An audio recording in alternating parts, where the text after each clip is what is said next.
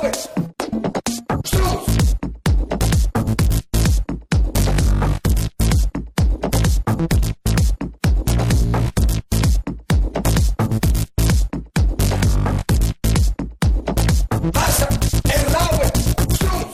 säger vi välkomna till eh, veckans Bundesliga-podden, eller ett av de två avsnitt som vi tänker spela in, eller hur Filip?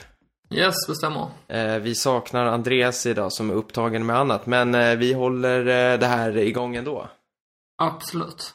Och eh, vi har ju haft en Bundesliga-omgång som eh, verkligen, eh, ja, det har hänt saker efter kan vi säga. Det första och det största som har hänt är väl att eh, vår eh, första tränare har fått sparken i Bundesliga. Skripnik fick eh, lämna Bremen efter förlusten mot Mönchengladbach med 4-1.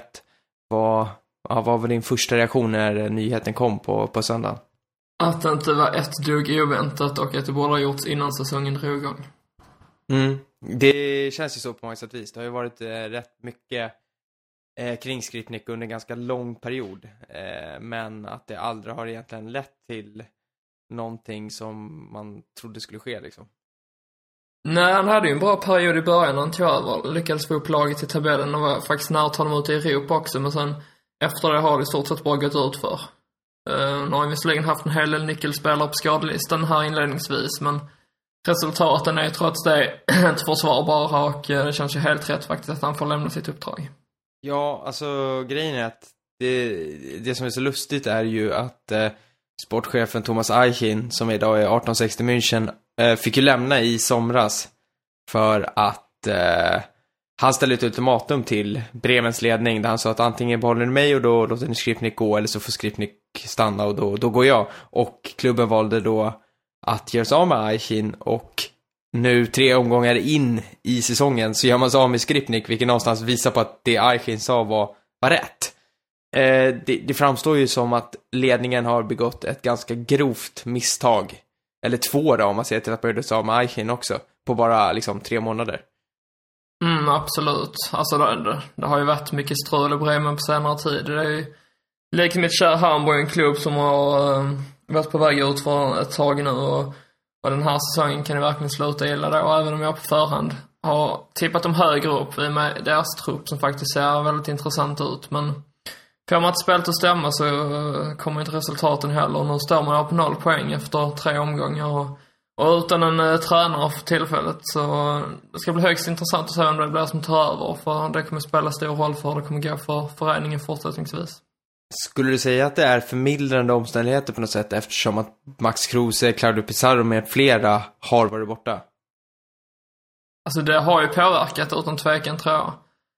Sen eh, som nu mot Gladbach, den, den hade man nog inte vunnit ändå men men det är klart, främst i offensiven har man ju haft eh, stora avbräck. Och sen i defensiven så, man har ju en helt ny backlinje i stort sett, i alla fall i mittlåset och det tar ju tid innan det ska stämma. Men just Skripnik har väl inte känt som rätt tränare just uh, i Bremen och, och därför tycker jag att man skulle göra sig av med honom redan tidigare. Och det har jag propagerat för innan men men ja, nu står man där, efter tre omgångar som sagt utan tränare. Det, det är inte bra på något sätt och vis och Ja, frågan är om man reder upp detta nu. Ja, vad tror du att det här beslutet egentligen betyder för fram, alltså Bremens framtida säsong? Eller fortsatta säsong, ska jag säga. Mycket handlar ju om vem det är som uh, kommer att ta över. Uh, jag tror inte att man kör en Gladbach och, och låter då uh, den här interimtränaren nu fortsätta hela säsongen ut, utan man kommer nog att hitta ett annat alternativ och, och plocka in den, men uh, sen vem det blir återstår att se. Men Eh, som sagt, mycket handlar om det. Interimtränaren kommer från U23. Nore tror jag han heter efter. Andreas Nore eller något sånt. Och han ersatte ju Skripnik som U23-tränare när Skripnik blev interimtränare och sen tog över chefsansvaret. Men eh, bland ersättare så nämns ju Marcus Gistol, tidigare Hoffenheim. Eh, Ande Herzog som nu assisterade förbundskapten i USA till Jürgen Klinsmann. Eh, det är något namn till som... Hassenhüttel är det väl? Har han nämnts till och med? Leipzigs? Han är väl ett alternativ i alla fall, för han är tillgänglig. Nej, nu tänker du... Eller, ja, Breiter Reiter kanske du tänker Breiter, på. Breiter, exakt, exakt. Eh, hans namn är, och, eh, föga förvånande, men det ska väl alltid dyka upp kring Bremen, eh, Thomas Schaaf. Ja, precis. Men eh, liksom vilken tränare, vad, det är så här, vad tror du för typ av tränare Bremen behöver och vem tror du ligger bäst till för att få jobbet? Ja, det är mycket bra frågor. Nu har de ju ny sportchef sen i sommar som du sa, så man vet inte hur han tänker heller. Ehm, eh, um, Breitenreiter känns som det hetaste alternativet. Uh, han lyckades ju inte kanske i Schalke fullt ut, men det är inte heller en klubb som det är lätt att lyckas i, som jag återigen har sett bevis på. Uh, så får man in honom så kan det nog bli bra med, inom sinom tid, men uh, Sen undrar jag om han är så sugen på att ta över Bremen. Det skulle faktiskt inte få mig ett dugg om eh, Thomas Schaff sitter på tränarbänken inom en snar framtid. Nej, och det, men samtidigt så vet jag liksom inte, det här med att ta tillbaka gamla tränare fungerar ju aldrig. Jag är väl också lite inne på som du, att Brighton Breitenreiter känns väl egentligen som det kanske hetaste alternativet eh, på något sätt. För att det är något nytt. Han har ändå gjort det, han gjorde det ju bra i Paderborn, även om de åkte ur. Och han gjorde det ju bra i, förhållandevis bra i Schalke. Trots att han var kritiserad, men det känns ju ändå som en, en, en rätt kapabel tränare. Och det känns som någonting som inte liksom är typiskt Bremen. Det känns ju väldigt typiskt Bremen att nu ersätta mer ytterligare en Bremen-person om man skulle ta in typ Schaff eller Ander Herzog eller liknande. Mm. Nej, verkligen. Det har ju, alltså det diskuterades ju för länge sedan att Torsten Liebeknecht som är i Braunschweig var ett alternativ för rollen eh, när, jag tror det var när Robin Dutt klev in. Eh, han gör det ju bra i, fortsatt bra i Braunschweig nu, men frågan är om han ens skulle vara intresserad. Alltså i, i detta skede så absolut inte skulle jag säga. I Braunschweig toppar tabellen så det finns ingen anledning för honom att lämna den klubben. Och det skulle nog krävas mycket tid för att eh, klubbledningen där kommer gå med på att släppa honom. Nej, man får nog sikta in sig på en av dessa tränare vi har nämnt nu. Så vill inte typ Roberto Mancini kommer in, men uh, det ska vara väldigt mycket tid för att det ska hända. De har ju inga pengar i Bremen, det är ju ett rätt stort problem. Nej, det är ju det problem. som är problemet. Eh, men eh, det är ju inte bara uppe i, i eller vi ska säga så här, vi, får, vi kommer få se hur det går för Bremen och de eh, har ju match redan nu här i, är det på tisdag eller onsdag som de spelar nästa? Um, kan jag enkelt kolla, det är på onsdag mot Mainz på hemmaplan. Så att där får vi se den här eh, nya tränaren eh, sitta på bänken och eh, sen så får vi se om de hinner få in en ny tränare kanske till den kommande helgens omgång. Men eh, ja, det, det, det passar, det var ju fel tillfälle att göra så om en tränare kan man säga. Mitt i, känns det som, mitt i en vecka liksom, när det är, Mm. är, är matcher. Definitivt, men sen var det väl nödvändigt helt enkelt. Eh, ja, eh, och som sagt det var ju nödvändigt för fyra månader sedan så att eh, det var inte en dag för sent. Men eh, underbetyg till Bremens ledning så tog eh, beslutet först nu. Verkligen. Men det är inte bara i Bremen som eh, det pratas om att tränare kan få gå. Ditt Hamburg. Där börjar Bruno Labbadia Mm. sitta allt lösare efter helgens man får ändå säga att det var en rätt osannolik förlust sett till hur matchbilden var med 4-0 hemma mot Leipzig. Säger de ett leende på läpparna. Nej, men jag gör inte det, men alltså sett till att de ändå... Det, alltså jag håller väl med i den analys Labadie gjorde efter matchen att eh, hade någon sagt att den här matchen skulle sluta 4-0 i den 60 minuten så hade jag aldrig, liksom, det hade, det hade jag inte kunnat tro på. Och så gör det ändå, för det kändes ändå som att första halvlek var Hamburgs och sen så gör Leipzig en, en otrolig forcering eh, på Ja. slutet. Det blev lite ketchup-effekt av det mot slutet där.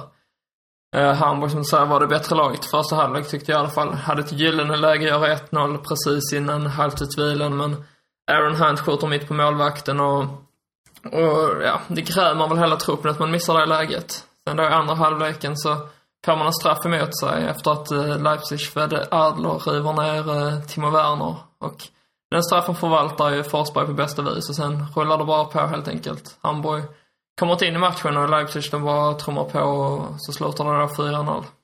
Ja, Forsberg eh, med två assist och ett mål och ligger dessutom bakom frisparken som leder till det fjärde Mm. målet. Det är Men en bra eh, insats från hans sida. verkligen, och eh, Leipzigs avslutning på matchen var, var verkligen imponerande. Men vad, vad, vad ska man säga, vad betyder det här för Labadia och vad betyder det för Hamburg?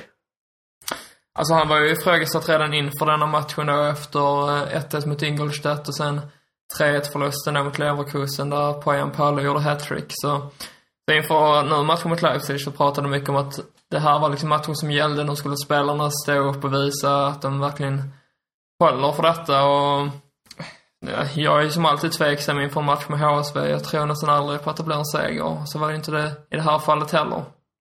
Och, och nej, eh, nu har vi då tagit en poäng på tre omgångar, släppt in åtta mål, möter Freiburg eh, på tisdag nu. Och blir det inte seger där eller tar man inte poäng där så tror jag att Labadia ryker faktiskt. Jag tror inte ens han får eh, helgen, helgens match på sig som är då mot Bayern München för det blir förlust oavsett vilket. Jag tror faktiskt han åker eh, nu i veckan i så fall. Så det krävs verkligen att han tar poäng mot eh, Freiburg och det är jag inte helt övertygad om heller att han gör så. Jag tror att hans dagar är ganska så räknade i Hamburg just nu. Alltså de är ju, de är väl mer eller mindre räknade oavsett. Eh, alltså känslan är att om det inte sker nu så kommer det ske vid ett senare tillfälle. Eh, så, så är det ju. Jag vet inte, jag kommer ihåg att jag sa tidigare att eh, jag inte tror att han kommer att klara sig kvar hela säsongen. Det sa ja, jag redan under sommaren. Absolut. Jag var väl inte lika övertygad, men den här starten har ju verkligen eh, någonstans en signaler om att det kanske inte blir en så långvarig eh, säsong för Labadia Hamburg. Men det har ju kommit ut lite rykten om att eh, Labadia själv inte ska vara så nöjd med situationen sett till att han ska, då, några av de spelare som har värvats, inte minst Alen Halilovic, inte ska ha varit hans egna liksom val, utan att han har fått dem lämpade på sig. Men alltså, sådana här diskussioner känns som att det är hela tiden. Det var samma sak när Marcus Berg blev klar för Hamburg, det var så Labadia-tränare. Det var väl samma sak att han skyllde på det, att, att Berg var ingen spelare han hade bett om att få. Men det är så här som sa, om man nu får Halilovic, han får Kostic, Douglas Santos och, och så vidare. Att han inte då kan göra någonting bra av de spelarna som i alla andras ögon är individuellt skickliga. Då, då är det någonting fel på han som tränare skulle jag vilja säga. För Aaron Hunt går inte före Halilovic i mina ögon i alla fall. Inte det jag har sett i träningsmatcher på träningarna jag har kollat på. Uh, så ja, jag vet inte. Labedin känns mer som en gammal surgubbe som uh, de har gjort sitt i Hamburg får jag väl ändå säga. Jag tycker det är trist för jag vill inte få den här tränarkarusellen igen. Men uh, jag, jag har aldrig sett honom riktigt som en långsiktig lösning. Och jag kommer ihåg då när han blev klar. Då lade vi pyr till när han redde upp det hela men redan då kände jag att det här kommer inte att hålla i längden utan han kommer bara ha nu ett tag. Och sen, nu blir det en annan tränare som sitter där på bänken förr eller senare. Så har det slutat oavsett vem som har tränat klubben på senare tid. Men känslan är att det inte egentligen bara Labadia som ligger bakom, eller det är ju inte bara Labadia som ligger bakom den liksom rådande situationen i Hamburg. Det finns ju strukturella problem i föreningen med Dietmar de Beiersdorfer som styr med, med järnhand får man säga, men är rätt så mycket påverkad av miljardären Kühne som lägger in pengar för nyförvärv. När ska Hamburg liksom ta sig ur hela den här gropen med strukturproblem och få liksom få en utveckling i, i rätt riktning? För det, känslan är att de kan sätta vem som helst på tränarbänken, men det är inte där liksom det huvudsakliga problemet är.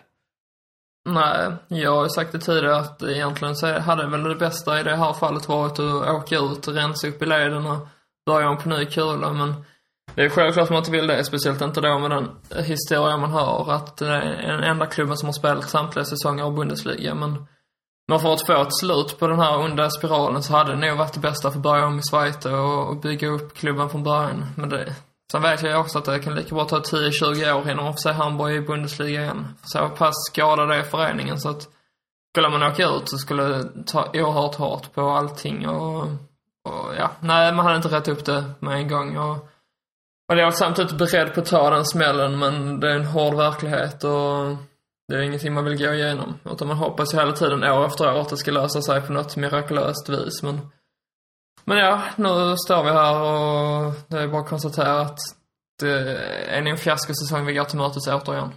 Mm, det är eh, som sagt uppe i norr så problem med tränaren. Men eh, bara så här för att eh, eh, prata om det, det som du såg i matchen. Leipzig, vad, vad fick du för intryck av dem? De har nu sju poäng på tre matcher. Vad, vad besitter de för kvalitet? Ja men det är ju främst i offensiven. De är fruktansvärt kontringsstarka. Och, men sen samtidigt mot Hamburg, de var ju väldigt bra i defensiven också. Sen tycker inte jag, har, har inte tyckt på många år att Hamburg har haft en vass offensiv. Men eh, de gjorde samma sak mot Dortmund. Ja, men det är väl hela laget egentligen. Jag tycker det är en fantastisk sammanhållning och, och trots så, som nu mot Hamburg där, att man var så tillbakapressade så lyckas man ändå hålla ut och sen vänder man på det och vinner med 4-0. Det, det gör man någonting rätt helt enkelt. Och man har ju de här uh, pulsen, uh, Forsberg och och Selke, alla de här snabba spelarna som, uh, som kan göra målen. Timo Werner inte minst. Så Så jag tror att man kommer att få fortsätta se att Leipzig som kommer att ta sina tre poäng och, och jag är inte alls förvånad om man Alltså, ja. Jag tippar, redan inför säsongen tippar jag dem i mitten av tabellen, så det blir inte alls förvånad om de slutar. Sen tror jag inte att de håller för toppen, det har jag sagt tidigare. Och det ska väl mycket till. För nu är man nykomlingar, man är väldigt tända. Så här, det har vi sett tidigare också. Sen blir det, kommer det ju andra halva på säsongen och där brukar man rasa upp desto mer. Men eh, att man skulle ha några bekymmer med att klara kontraktet, det tror jag definitivt inte. Nej, det blir eh, spännande att se fortsättningen för både Hamburg och Leipzig där det är ett utropstecken just nu i Leipzig och ett frågetecken i Hamburg. Ett eh, väldigt stort frågetecken. Verkligen. Eh, jag tänkte att vi skulle fortsätta lite på det här med tränare som har det lite tufft just nu. I Schalke så har ju Marcus Weinziel lyckats med mm. bedriften att förlora sin tredje raka match i, i Bundesliga som Schalke-tränare. Den första någonsin, eh, tror jag, av Schalkes eh, chefstränare att förlora sina tre inledande Bundesliga-matcher. Eh, förlust mot Hertha Berlin 2-0 och eh, det här hade nog varken Weinziel eller nye sportchefen Christian Heidel förväntat sig som eh, Bundesliga-ledning. Nej, inte jag heller. Men då står man där och man har dessutom inte gjort ett eh, mål, ska sägas. Exakt. Och eh, det var en rätt tafflig insats mot eh, Hertha här i helgen. Det, det, är fascinerande hur det kan gå för att, eh, jag menar, man förlorar eh, premiären mot Frankfurt borta med 1-0. Jag menar, en premiär, sånt kan ske liksom.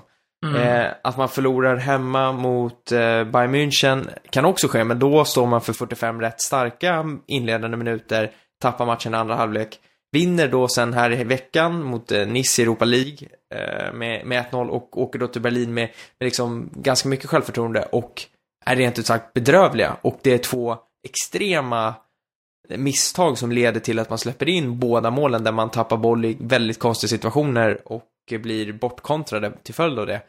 Eh, det känns som att eh, det är en enorm uppförsbacke för Schalke just nu.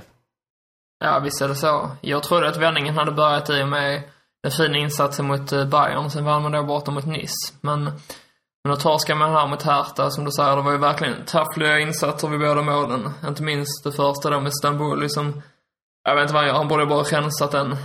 Exakt.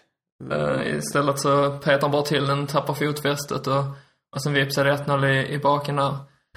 Eh, sen ska vi komma ihåg också, nu har man inlett här med tre förluster, men med Borussia Mönchengladbach inledde med fem förluster förra säsongen och slutade ändå på en fjärde plats. Så saker och ting kan eh, förändras under säsongens gång, men i det här fallet så tror jag väl att det kommer bli desto tuffare. Eh, och att tränarbyte känns ju inte aktuellt. Det känns som att man har lagt ner väldigt mycket tid och, och resurser på att få över Marcus Weinziel nu och, och han måste verkligen få chansen. Ja, eh, man får väl säga att de ändå har fått lite tid, för än så liksom, eh, det låter inte fruktansvärt från Schalke Det hade det kunnat göra om det hade till exempel, om Brighton United till exempel hade suttit kvar så tror jag att det hade varit väldigt mycket missnöje. Just nu så är det väl någon sorts, eh, det är väl rätt lugnt, men det kan ju rätt snabbt slå över till att vara en rejäl, liksom, en motgång i, i Schalke. Vi vet ju hur det brukar låta i Gelsenkirchen när det går emot. Men eh, på andra sidan den här pendeln då, Hertha Berlin har nu vunnit tre raka matcher. Jag hade aldrig förutspått det, hade du? Mm, nej, faktiskt inte. Eh, nu hade man inte gjort det inför försäsongen heller, men men i och med det som skedde under sommaren och avslutningen på förra säsongen så trodde jag att det skulle bli desto tuffare. Sen uh, lär man väl åka på sin första förlust nu i nästkommande match där man ställs mot Bayern München på bortaplan, men men uh, nej, Hertha har återigen imponerat och, och bevisat att man är en klubb att räkna med och återigen, det ska bli intressant att se vad det här kommer att räcka till. Jag hade aldrig förväntat mig att man skulle kunna motsvara förra årets säsong och fasken vet om man gör det nu i heller, men man är på god väg i alla fall. Ja, eh, jag skulle lite så här, jag tänker som fråga, om, om det skulle komma fram någon liksom till dig och fråga, men liksom vad är Hertha Berlins styrka? varför har de tagit nio poäng på de första tre matcherna? Alltså, vad, vad skulle du säga då? Hur skulle du förklara att de faktiskt gör så pass bra resultat just nu? Ja, då är det en bra fråga. Lagsammanhållningen i så fall. Det känns ju som att hela laget är väl ganska mediokert i grund och botten, men de fungerar fruktansvärt bra tillsammans. Nu fick man ju behålla eh, i stort sett hela truppen här under sommaren och, och värvade inte in så många, vilket vi tidigare har gett ris för, men tydligen så var det ju väldigt smart. Och där, där han verkar ha koll på läget. Ja, alltså vad, vad skulle du säga i så, i så fall? Ja, nej men det, var lite, liksom det är otroligt svårt att säga för att jag är väl lite, jag är inne på helt samma spår som det, att det, det är ett lag som består av liksom det som andra klubbar egentligen inte riktigt har velat ha. Alltså mycket föredettingar eller spelare som inte riktigt tagit plats i, i andra lag. Och många spelare som är lite, har ett rykte om sig och var lite krångliga att göra med. Jag tänker på liksom Ibisevic, Mitchell Weiser var inte den lättaste i Bayern även om han var ung och liksom Salomon Kalou och det, alltså det är inte de lättaste spelarna men Dardai verkar ju trivas med en omgivning där det är, eh, där allting inte är liksom eh, fungerar felfritt utan han vill nog att det ska vara lite skit i maskineriet för att det ska fungera och han verkar ju ha en otrolig förmåga att sätta en struktur. Men jag tycker fortfarande att det är väldigt svårt att säga liksom något specifikt som pekar ut dem mer än som du säger att det är någon laggrej. För att jag tycker att det här laget och den fotboll de spelar inte egentligen borde kunna resultera i att man tar liksom så här många poäng på de inledande tre matcherna. Eh, men motståndet har ju inte heller kanske varit det bästa. Det är Freiburg, eh, Ingolstadt och ja, Schalke var väl det stor, stora liksom testet hittills. Eh, nu kommer det största då i veckan mot, mot Bayern, så det är väl klart att eh, då får man väl se hur det kommer gå då. Men nej, det, jag tycker det är svårt att sätta ord på vad det är Hertha gör, liksom, som gör att Hertha tar de där poängen. Ja, nej men man har träffat rätt helt enkelt. Paldar i hans fina mysdress, han vet vad han sysslar med. Mm, verkligen, han står där vid sidlinjen på Olympiastadion. Bra tryck för övrigt i Berlin, men det, det är kul när huvudstadslag går bra. Det pratade vi om förra året, eh, att det är viktigt någonstans att eh, Hertha går bra. Eh, sen så är det, var det ju synd att de åkte ur i Europa League-kvalet mot Bröndby direkt. Kan Men också, kanske är det det som räddar dem nu. Exakt, kan vara en fördel eh, under resten av säsongen. Vi kan bli färdigt. Ett lag som verkligen har eh, formtoppar får vi ju säga är Dortmund som i veckans Champions League slog eh, Warszawa, lägger Warszawa med 6-0.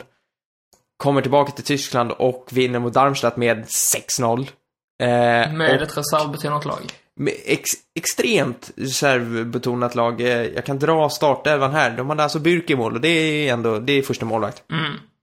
Felix Passlak, Sokratis, Ginter, Schmelzer. Där får vi säga att Sokratis är väl kanske den mest givna. Eh, Schmelzer är väl hyfsat given men eh, har ju lite konkurrens där nu med Guerreiro. Sen så hade de på mittfältet hade de Weigel som sittande. Så hade de Pulisic, Castro, Guerreiro, Dembele och Ramos på topp. Alltså vi saknar Eh, vi saknar Aubameyang eh, som satt på bänken. Kagawa satt på bänken. Bartra satt på bänken. Alltså väldigt... Götze satt också på bänken. Ingen Schürrle. Ingen Royce. Det är otroligt många spelare som är borta och då ska man veta att då byts även Emre Mår och Sebastian Råde in och båda de gör dessutom mål mot, inte ett Alltså Darmstadt är ju kanske inte något supergäng, men 6-0, det var ju verkligen en... Ja, det är imponerande. Visst är det så, men Dortmund är ju ett eh, skickligt lag, det råder ingen tvivel om. Sen har jag ju också sagt här tidigare att jag tror att det kommer att ta en, ett tag innan man kommer kunna utmana Bayern, men matcher som dessa och mot dem mot Legia Warszawa, det bevisar verkligen vad som, vän, eller vad som kommer att vänta i framtiden om man nu får fortsätta bygga på detta, för man kommer nog bli fruktansvärt dominanta och vi kommer nog få vänja oss vid att se resultat som dessa framöver. För spelarna som nu Tuchel har tillgång till, det är nästan samtliga offensiva kan ju verkligen göra mål. Och det fick vi verkligen se här. Ja, alltså när de ställs mot ett lag som också inte heller bjuder upp till, som inte liksom utmanar deras defensiv så får de ju egentligen allting serverat på ett silverfat. De kan mer eller mindre lägga full fokus på offensiven. Och det passar ju liksom Torshälls spelidé perfekt. Mm. Men vad liksom nu eh, Eh, ska man gå vidare från det här, man har Wolfsburg i veckan. Var, var har vi Dortmund just nu, eh, skulle du säga? Med tanke på att de ändå, de förlorade mot Leipzig med, med 1-0, nu vinner de två matcher av med 6-0. Eh, är det så här säsongen kommer vara, att den går lite upp och ner helt enkelt? Ja, det tror jag.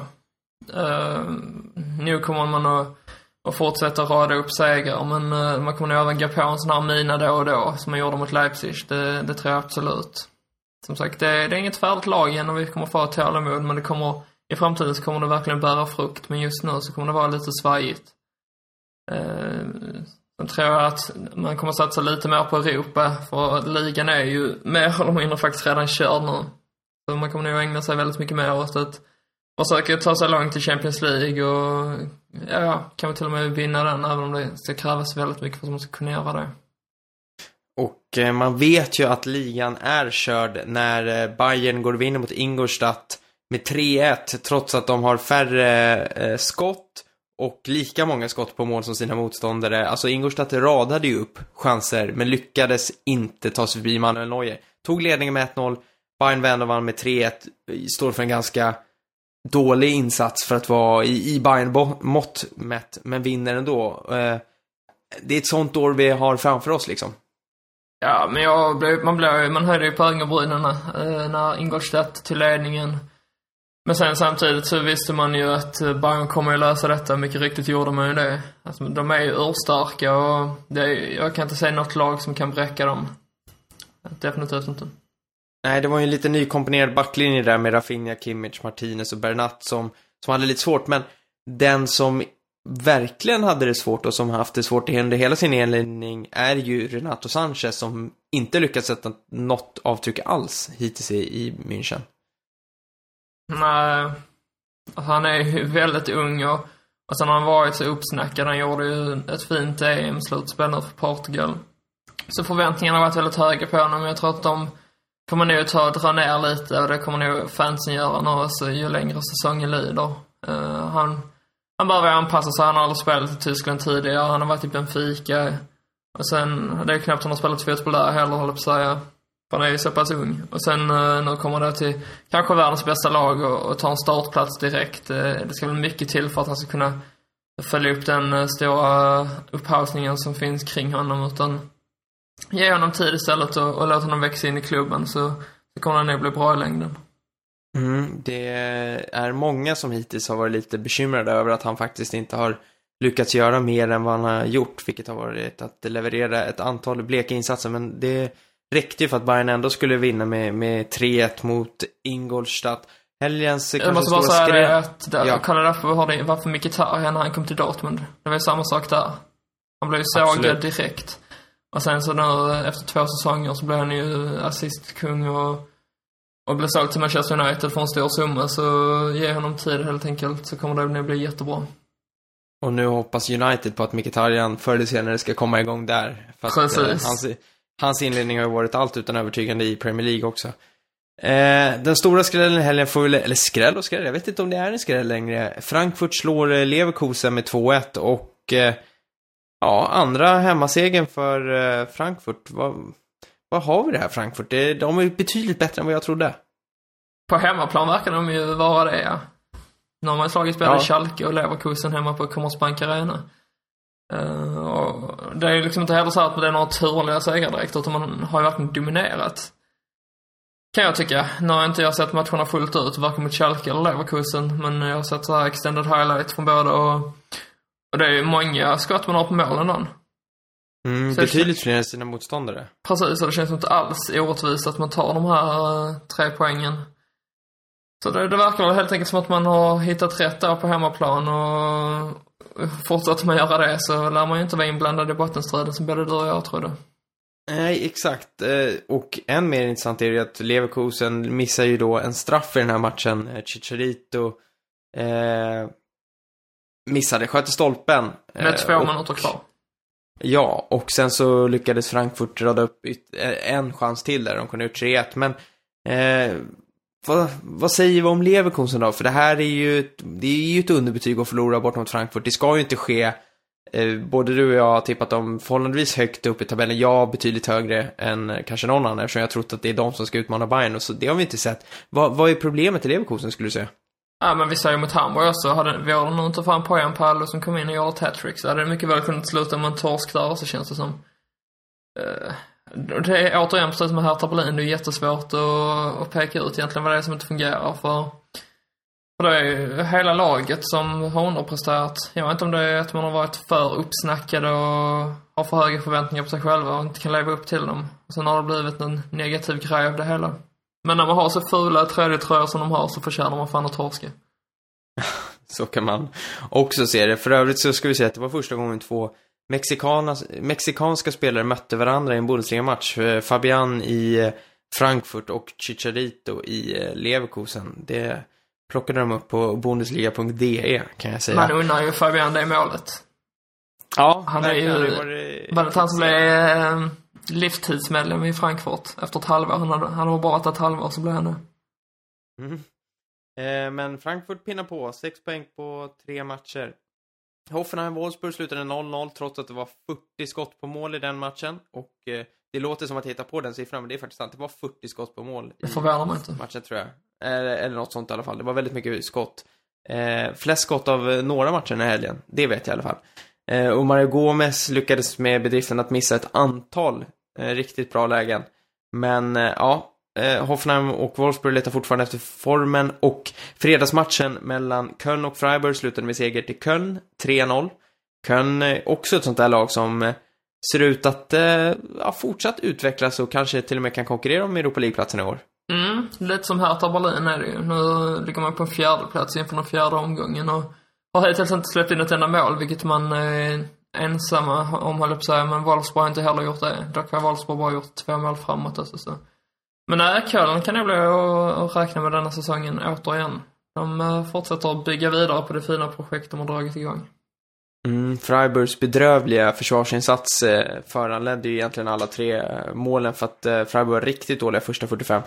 Eh, den sista matchen som vi inte har nämnt är Augsburg som eh, tog emot Mainz på hemmaplan och eh, den matchen slutade med förlust. 3-1 för Augsburg där Mainz alltså vann på bortaplan och det trots att Augsburg skapade ett antal lägen och dessutom så skulle de ha haft en straff. Vilket komiskt nog, det blev inte straff för att Ko blev borten för offside på ett inkast. Oj. Vilket var helgens stora domartavla som det diskuterades rätt mycket om. Ja, det Eh, kan jag så förstå. Ja, det var, det var dåliga miner nere i Augsburg. Det var Bundesliga-omgången eh, nummer tre i ordningen och eh, som ni har förstått, eh, om ni har lyssnat så är det ju Bundesliga-omgång direkt nu på tisdagen och onsdagen i veckan. Det är en eh, Mittwoche, eller en Englische Woche ska jag säga. Mittwoche var ju i onsdag, men Englische Woche som man kallar det i Tyskland. Och eh, där har vi ju, det, vi tog ju upp det mötet, men eh, Hamburg Her Hamburg Hertha, du ser ju. Bayern München Hertha känns ju på förhand som det, ja det är ju det stora mötet med tanke på att det är de två lag som har tagit nio poäng. Men du tror inte att Hertha ska ha en chans på Allianz Arena? Nej, det ska mycket till för att man eh, ska ta poäng där. Sen behöver man inte göra en dålig insats för det, men Bayern är ju starkare i längden och, och det har jag sagt hela tiden att jag tror att Bayern kommer att, att köra över allt som de ställs mot denna säsongen, så det får jag hålla fast vid. Eh, Du nämnde att ditt Hamburg åker till Freiburg och att det är sista chansen för Labadia. Förlust och han är out. Förhoppningsvis, ja. Ja, så kan man också säga det. Ingolstadt eh, tar emot Frankfurt i ett eh, eh, möte där Ingolstadt äntligen hoppas, att, eh, hoppas på att ta lite mer poäng. De var ju rätt nöjda med sin insats mot Bayern eftersom de kände att de ändå kunde eh, rubba Bayern men inte riktigt lyckades. Men nu vill man ta poängen. Men ja, med tanke på Frankfurts inledning ska man kunna tro att eh, Frankfurt eh, kan ta med sig ett par poäng eh, hem från Ingolstadt. Alltså det är ju verkligen upp till bevis nu för Frankfurt. Om man är ett bra lag är man på bortaplan. Så det lär inte bli lätt. Ingolstadt är ett grisigt lag som, som förmodligen kommer att... Ja, ändå är redo att ta en poäng där, så... så 1-1 här som resultat. Mm, vi har Darmstadt mot Hoffenheim i en match där vi hoppas på att Sander Wagner ska sätta sitt avtryck i sin, mot sin gamla klubb. Ja, hattrick. Exakt. Eh, en annan stor match på tisdagen är ju Wolfsburg-Dortmund som eh, känns hyperintressant och det är lite upp till bevis för Dortmund. Och för Wolfsburg. Mm. Speciellt för Wolfsburg som nu har spelat 0-0 i två matcher i rad här. Det känns som att de måste bryta den trenden snart. De har väl inlett eh, med tre raka nollor va? Om jag inte är ute och cyklar. De har gjort två mål, så... Ja, jag tror faktiskt att de ännu inte har släppt in mål. eh, Nej, precis. kast- Det sa jag ju nyligen. Om du missade Ja. det. Nej, jag kanske missade. Det var bra att du sa det, Filip. eh, Schalke mot Köln och där är det ju verkligen eh, tre, poäng, tre poäng eller ingenting för Schalkes del. För att en fjärde raka, rak förlust skulle ju betyda... Ja, då skulle det nog bli, eh, bli lite skakigt i Gelsenkirchen. Om det inte redan är det. Men eh, visst är det så. De måste verkligen vinna. Mm. Vi har eh, Leipzig mot Borussia Mönchengladbach och eh, om man får tro eh, tidigare trend så ska ju Mönchengladbach inte ha någonting att hämta på bortaplan. Nej, det kommer nog bli väldigt tufft nu mot eh, Leipzig som har självförtroendet på topp efter att ha slagit både Dortmund och Hamburg här och inte släppt in något mål dessutom i de matcherna. Så Gladbach lär få en tuff kväll borta på Red Bull Arena. Mm. Leverkusen-Augsburg, eh, känns trist. Ja, fast, Tycker du inte fast det? samtidigt så det är också upp till bevis för Leverkusen nu. Ja, om det är man sant. ska lyckas ta någon poäng utan att vara- bli räddad av någon uh, Doldis då från Finland. Men uh, visst, den kanske inte hänger, eller kanske inte slår jättehögt, men, eh, men lite intressant ska det ändå bli att se hur, uh, hur Leverkusen kommer att tackla det här. Och eh, sen så har vi ju matchen jag hade på förhand sagt varit den tråkigaste av dem alla, men med tanke på att Bremen har sparkat sin tränare så blir ju Bremen-Mainz lite intressant i alla fall. Ja, känns det som det är målgaranti den också. Ja, verkligen. Eh, Bremen har alltså släppt in 77 mål på de senaste 37 matcherna. Ja, och 12 stycken redan den här säsongen. Ja, Trots så att, eh, Robin fick stå senast. Exakt. Det, det bytet var, det, kom, det, var, det var rätt att han satte in Drobny i målet tror jag, men eh, han fick inte ut det han borde ha fått av det bytet. Han är van vid att släppa in mycket mål från sin tid i Hamburg. Mycket sant. Vi ska också säga att eh, vi kommer ju spela in en podd eh, senare i veckan där vi då kommer att gå igenom resultaten från de här matcherna.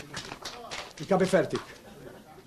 Jag tänker att vi lämnar Bundesliga och går lite på Zweite Bundesliga där det har hänt eh, ja, rätt fascinerande saker. Dels har ju i Jos Lukai lämnat Stuttgart efter fyra omgångar efter att ha bråkat med sportchefen.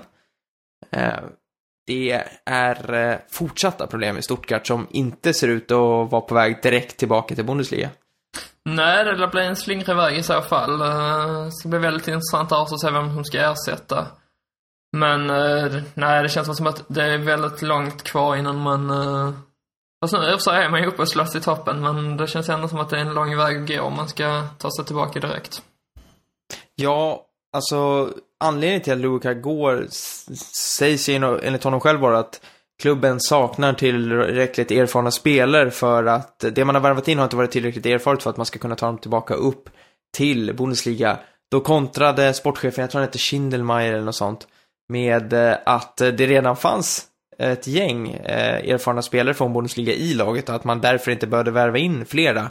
Och valid point, alltså Stuttgarts trupp består ju av ganska många spelare som var med förra säsongen i Bundesliga eh, som har klassen att vara det. Jag tänker på Florian Klein, eh, Maxim, Gentner. ja, Gentner, alltså det finns ju ett antal, en stomme finns ju ändå kvar, de har inte blivit av med allt. Så att eh, nu är det ny tränarjakt. Eh, de ligger så att fyra Stuttgart, men det, det känns ändå som att det är så pass oroligt att det kan bli en rätt tuff säsong där nere i sydvästra Tyskland. Men en annan sak vi ska nämna, på tal om, inte sydväst, men lite mer sydcentralt om man nu kan säga så, men i södra Tyskland. 1860 München har ju gått ut med en ganska hård målsättning på att man ska gå upp till Bundesliga inom två säsonger. Vad säger du om det, Filip?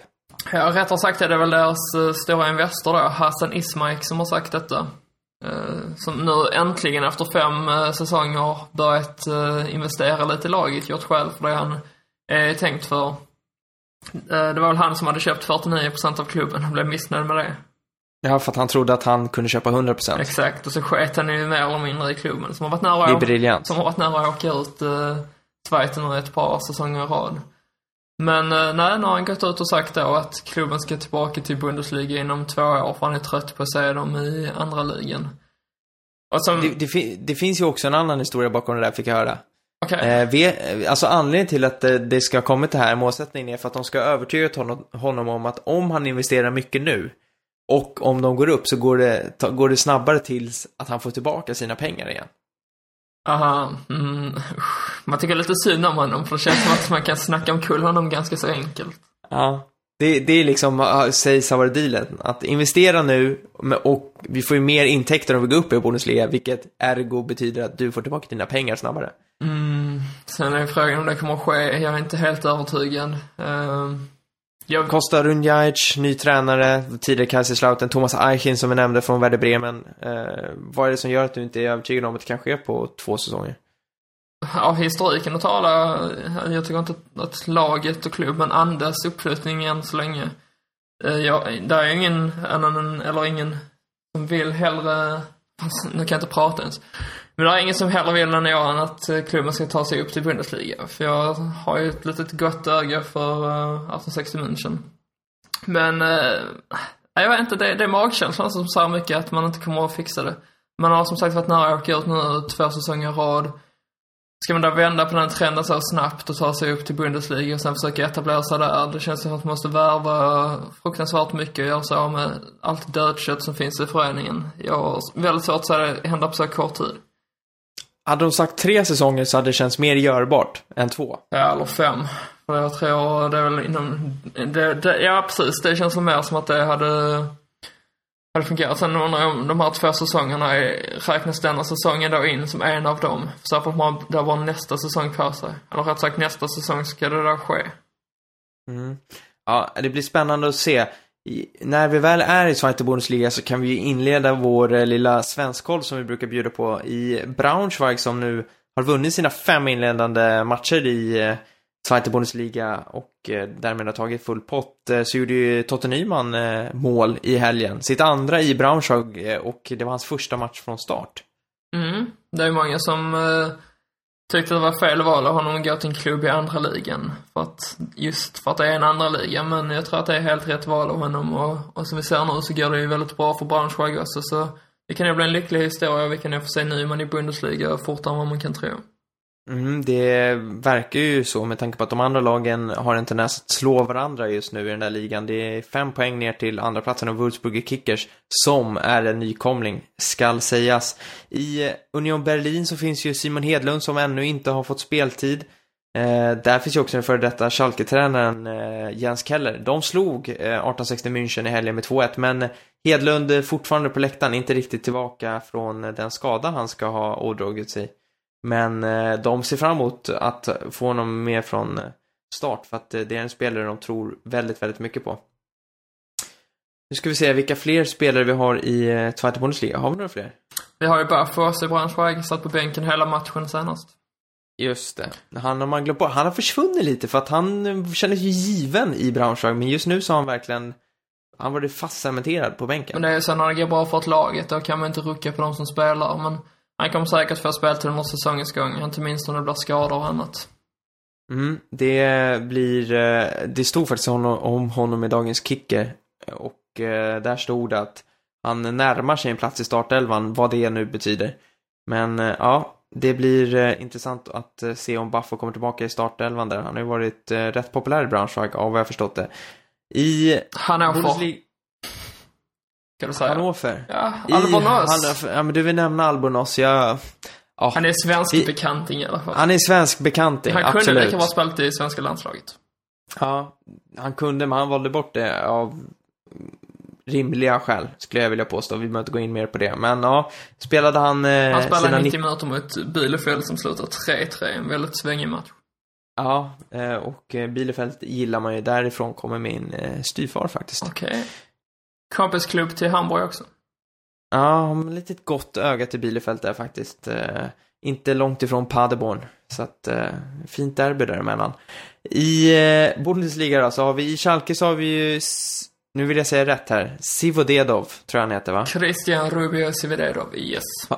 Återigen inte med i truppen, tränar A-laget men spelar då, vad jag antar, med U23-laget. Mm. Och han kommer väl inte få speltid i Bundesliga på ett tag, känns det som, när det ser ut som det gör för Schalke just nu. Nej, eh, så är det faktiskt. I Hamburg så hade vi ju Nabbe Baui på läktaren återigen. Och, Tillsammans med eh, Lasogga. med Lasogga Det var lite som, kul eh, att efter matchen då så ska Lasoggas mamma ha gått in till Biersdorf och skällt ut honom för att Lasogga då inte fick chansen när man förlorar med 4-0. Kerstin Lasogga Exakt. alltså, vilket... Lika hans eh, agent. Ja, googla, googla det namnet så får ni upp saker. Tatuering bland annat. Ja, eh, Albin Ekdal satt på bänken Japp. och eh, fick eh, sitta där hela matchen, eller? Yes, det fanns ingen direkt anledning för honom att komma in i den här matchen. Nej, det kan man ju minst sagt säga.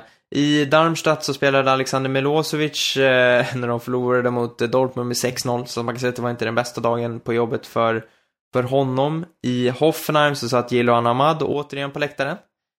Eh, tråkigt för eh, honom, får vi säga, för att, eh, att han inte hittade en ny klubb var är besvärligt, för han kommer nog inte få så mycket speltid i höst. Nej. Men eh, blir han inte såld så blir han väl i alla fall utlånad i vinter. Så kan vi hoppas det är någon klubb i Tyskland som behöver honom. Jag tycker i alla fall att han känns fortfarande som att han håller för, för att spela i en mittenklubb i Bundesliga eller en toppklubb i Schweiz. Så jag önskar honom lycka till i alla fall. Mm. Eh, I Frankfurt så hoppade Branimir Ergota in. Han fick inte spela från start. Hoppade in mot eh, Leverkusen i den 78 minuten för att ersätta Alexander Mayer. Stort bara det. Exakt. Fruktansvärt stort.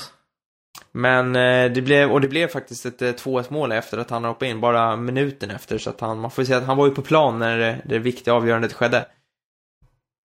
Eh, I övrigt så är det ju då såklart eh, Oscar Wendt som ska nämnas. Han ska vi inte glömma, eller hur? Nej, du har en tendens att vilja göra det.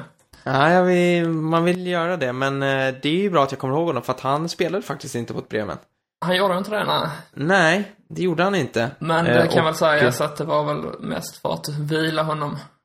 Ja, han satt eh, på bänken och eh, fick vila upp sig. Eh, Och det gick bra för Borussia Mönchengladbach ändå med 4-1. Men som säger, han vilade mest. Det är inte för att han är petad. Nej, de har haft Europaspel och, och sen är den här engelska veckan då, så han behöver väl få, få vila sig lite också. Var iväg med landslaget också innan uh, ligan drog igång här. Exakt. Och sen så har vi då Leipzig, där Emil Forsberg, eh, ja, var strålande. Eh, Omgången svensk, kanske spelar också. Omgångens spelare enligt Kicker och med uttagen i deras eh, omgångens lag och eh, ja, fantastiskt imponerande får man faktiskt säga. Eh, ska också bara på tal om svensk håll, eh, jag var ju med i eh, dagens Eurotalk på Svenska fans, fan-tv. Och eh, där ringde, ringde man upp Pierre Bengtsson. Som eh, berätt, ja, berättade lite att anledningen till att han lämnat Mainz, så han, dels tror han inte att han kommer tillbaka till Mainz, för att hans relation tydligen till Martin Schmidt, tränaren, inte är den bästa. Så att eh, vi får se. Jag frågade också om det här intresset från Hoffenheim och då sa han att eh, det berodde nog mest på att eh, han visste inte att det fanns något konkret mer än att eh, tränaren, Hoffenheims tränare Julian Nagelsmann hade varit på plats när han hade gjort en assist i en träningsmatch och det med sin högerfot. Och som alla vet så är ju Pierre Bengtsson eh, extremt vänsterfotad. Så att eh, mer än så kanske inte låg bakom det ryktet. Nej, det kändes lite märkligt när de har Jeremy Toljan som har varit jagen av halva Europa. Att man då skulle värva in Pierre Bengtsson. Ja. Om man Eh, inte hade sålt Toljan förstås. Exakt, som ryktas till typ Bayern München. Så att, eh, bland andra. Eh, så att, ja. Men eh, så har det sett ut för våra svenskar. En, en rätt okej eh, vecka för våra svenskar. Det, Milosevic får väl ändå säga så var den absoluta botten och Forsberg är ju den absoluta toppen. Av de som spelade ju. Av de som spelade, exakt. Il capo è ferti. Är det någonting mer vi ska ta upp innan vi avslutar? Du ska... Vi har ju haft spel i Europa, kan vi kanske gå igenom det fort? Det är inte så aktuellt kanske, men eh, Om, om, om du hinner. om jag hinner. Ja, men det är inga, inga problem. Jag ska iväg och, och träna fotboll här dagen efter att man spelar 90 minuter på innermittfältet. Men det ska nog gå det också. Vi kan väl börja i Champions League där eh, Bayern München körde över Rostov med, det var 5-0 va? 5-0 ja. Eh, och ja, inledde minst sagt starkt. Som förväntat. Som förväntat. Eh, och eh, sen så hade vi ju inga fler lag eh, från Tyskland på tisdagen, utan det var tre lag på onsdagen. Skulle haft ett lag på tisdagen egentligen. Exakt. Borussia Mönchengladbach fick se sin match inställd på tisdagen. Och, vill ha, och den flyttades till onsdagen. De ville spela tidigt, vid 18.30, för att de skulle hinna hem i hyfsad tid. Det fick de inte göra, men så att de blev kvar och fick spela 20.45 och förlorade mot Manchester City med hela 4-0. Mm, tyvärr. Vi ska väl nämna en ganska rolig sak också som eh, deras sportchef gjorde. Ja, det här eh, tycker jag var väldigt, väldigt bra eh, grej med att eh, han, han lämnade ett litet, eh, en lapp till supportrarna som var i Manchester då, vad jag förstod det. Mm. Där han eh, så fint skrev att man, eller ja, den var ämnad att skicka in till sin arbetsgivare då. Av att man eh, inte kom till arbetet dagen efter på grund av att man skulle stötta klubben i Champions League och att man hoppades att, att eh, uh, arbetsgivaren då skulle ha uh, acceptans för detta och, och godkänna det hela. Så, sen vet jag inte hur det gick. Det kan vara säkert en och annan som fick sparken där, men uh, det var lite kul ändå. Mäktigt ändå med Max Ebels uh, visserligen kopierade uh, signatur, men det är ju ett sånt där papper man ska laminera och rama in. Ja, verkligen. Eller sälja på Ebay för 50 000. Ja, men det var, nej, det, det var faktiskt otroligt fin aktion. Det är en sån där grej som bara höjer stämningen en aning när det liksom inte allting är på plats. Eh, Precis. Det var väl en av de få saker som Mönchengladbach hade att glädjas åt den kvällen. Ska väl alltså säga att man eh, betalade tillbaka biljetterna till alla supporterna oavsett om man såg matchen dagen efter eller inte så fick man pengarna tillbaka. Det visste jag faktiskt Okej. inte. Yt- ytterligare en fin aktion Mm. alltså. Så Gladbach Ja. är en klubb vi ger tummen upp. Ja, verkligen. Vi nämnde att Dortmund slog Legia Warszawa med 6-0.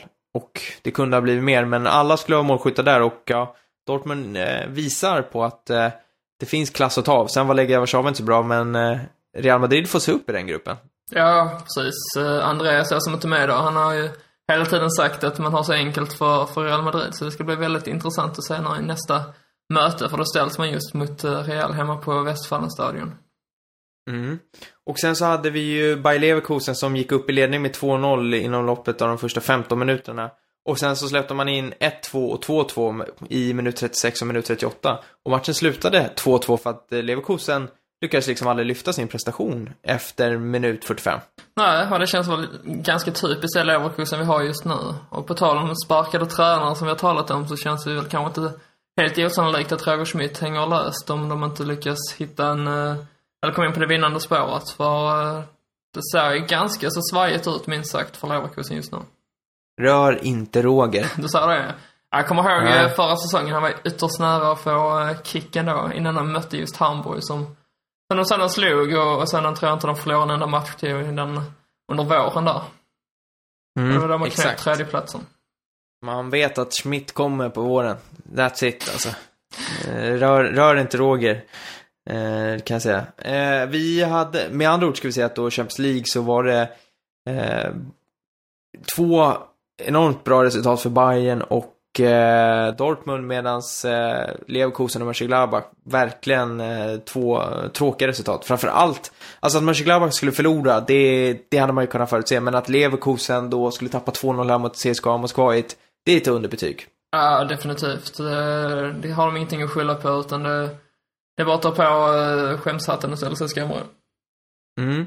I Europa League så gick Schalke och vann borta mot Nice, Eh, en meriterande seger får man säga. Ja, som jag sa tidigare så trodde jag att vändningen hade börjat här i och med fina insats mot Bayern, sen slog man då Nice. Barba som gjorde målet, kanske inte den man hade trott skulle göra säsongens första mål för laget, men så blev det. Ja, så blev det. Och eh, Mainz fick 1-1 hemma mot Sant Etienne efter att Sant Etienne eh, kvitterat i den 88 minuten. Eh, ja, vad ska vi säga? Mainz, det känns ju inte som att de har siktet inställt på att gå sådär extremt långt i Europa League. Nej, sen tror jag att de har potential att göra det, men eh, de bör väl inte prioritera det i första hand heller. Det var väl deras första Europamatch så nu om inte helt fel ute. Nej, var de inte ute i Europa med efter Tuchel här för några år sedan, eller? Jag, kommer ihåg Kasper Hjulman, äh, Kasper Hjulman under hans ledning åkte mot kvalet, ja. Dessförinnan tror jag inte man har varit i närheten av att ta sig ut i Europa faktiskt. Det kan stämma, men jag vet att de var med i ett kval i alla fall. Får ju säga att årets upplaga av Europa League inte känns lika het som eh, förra året. Nej, det kan vi väl inte påstå. Speciellt nu inte efter Manchester United la sig mer eller mindre mot Feyenoord. Så, så känner man att väl, vad är det för lag egentligen som brinner för den här turneringen? Förra året så fanns Tottenham, det fanns Liverpool, det fanns Dortmund, det fanns Schalke. Alltså det fanns ett antal spännande lag. Just nu känns det bara som att Europa League i år, man väntar på att det ska gå till våren när det blir slutspel och det kommer in lite Champions League-gäng liksom. Mm. Eh, Ja, Då exakt. kan det lyfta sig. Men eh, generellt får man väl säga att det var, ja det var en, eh, en helt okej vecka ute i Europa för våra tyska lag. Det tycker jag. Två förluster, en oavgjord och tre segrar. Jag tror Mainz hade tagit det här krysset på förhand om de hade kunnat göra det. Så de är nog ändå hyfsat nöjda med en pinne där och sen, som sagt, det är bara Gladbach som torskar så jag tycker ändå att man ska, man ska anse detta som var fullt godkänd omgång. Mm. Det håller jag helt och hållet med om. Eh, innan vi avslutar så kör vi eh, som vanligt en liten eh, sociala medier, eller en Twitterkoll ska vi säga. Eh, vad hittar man dig på Twitter? Man hittar mig på snabel och volym med nolla istället för o som jag säger så bra. Eh, det blir dags att tatuera in det där budskapet någonstans va? Får väl eh, göra det. Mm. Det, du vänjer dig. Det är ju avsnitt eh, 30 det här, så att eh, 30 avsnitt har du sagt i. Och eh, mig hittade på snabla AT Nilsson. Och eh, vi är tillbaka senare i veckan med eh, ytterligare ett avsnitt, avsnitt 31 då. Mm, då får vi hoppas att vi har eh, lite positiva nyheter kring Hamburg. Om det nu blir att vi har en ny tränare eller att vi har tagit poäng. Risken är ju att vi får inleda ytterligare en podd med att prata om att en tränare har fått sparken. Ja, det känns faktiskt som det. Vi får se. Ja, vi får se och eh, ja, det blir kul. Nu ska Filip iväg och träna fotboll. Då ska jag, då ska jag säga vad du heter på Twitter. ja, Det har jag sagt. Ja, okej. Så- Men jag kan säga det igen. Snabla AT Nilsson. Snabel av volym med 0 till 3. Kanon. Eh, vi hörs senare i Det veckan. vi. Ciao! Ciao. Erraue!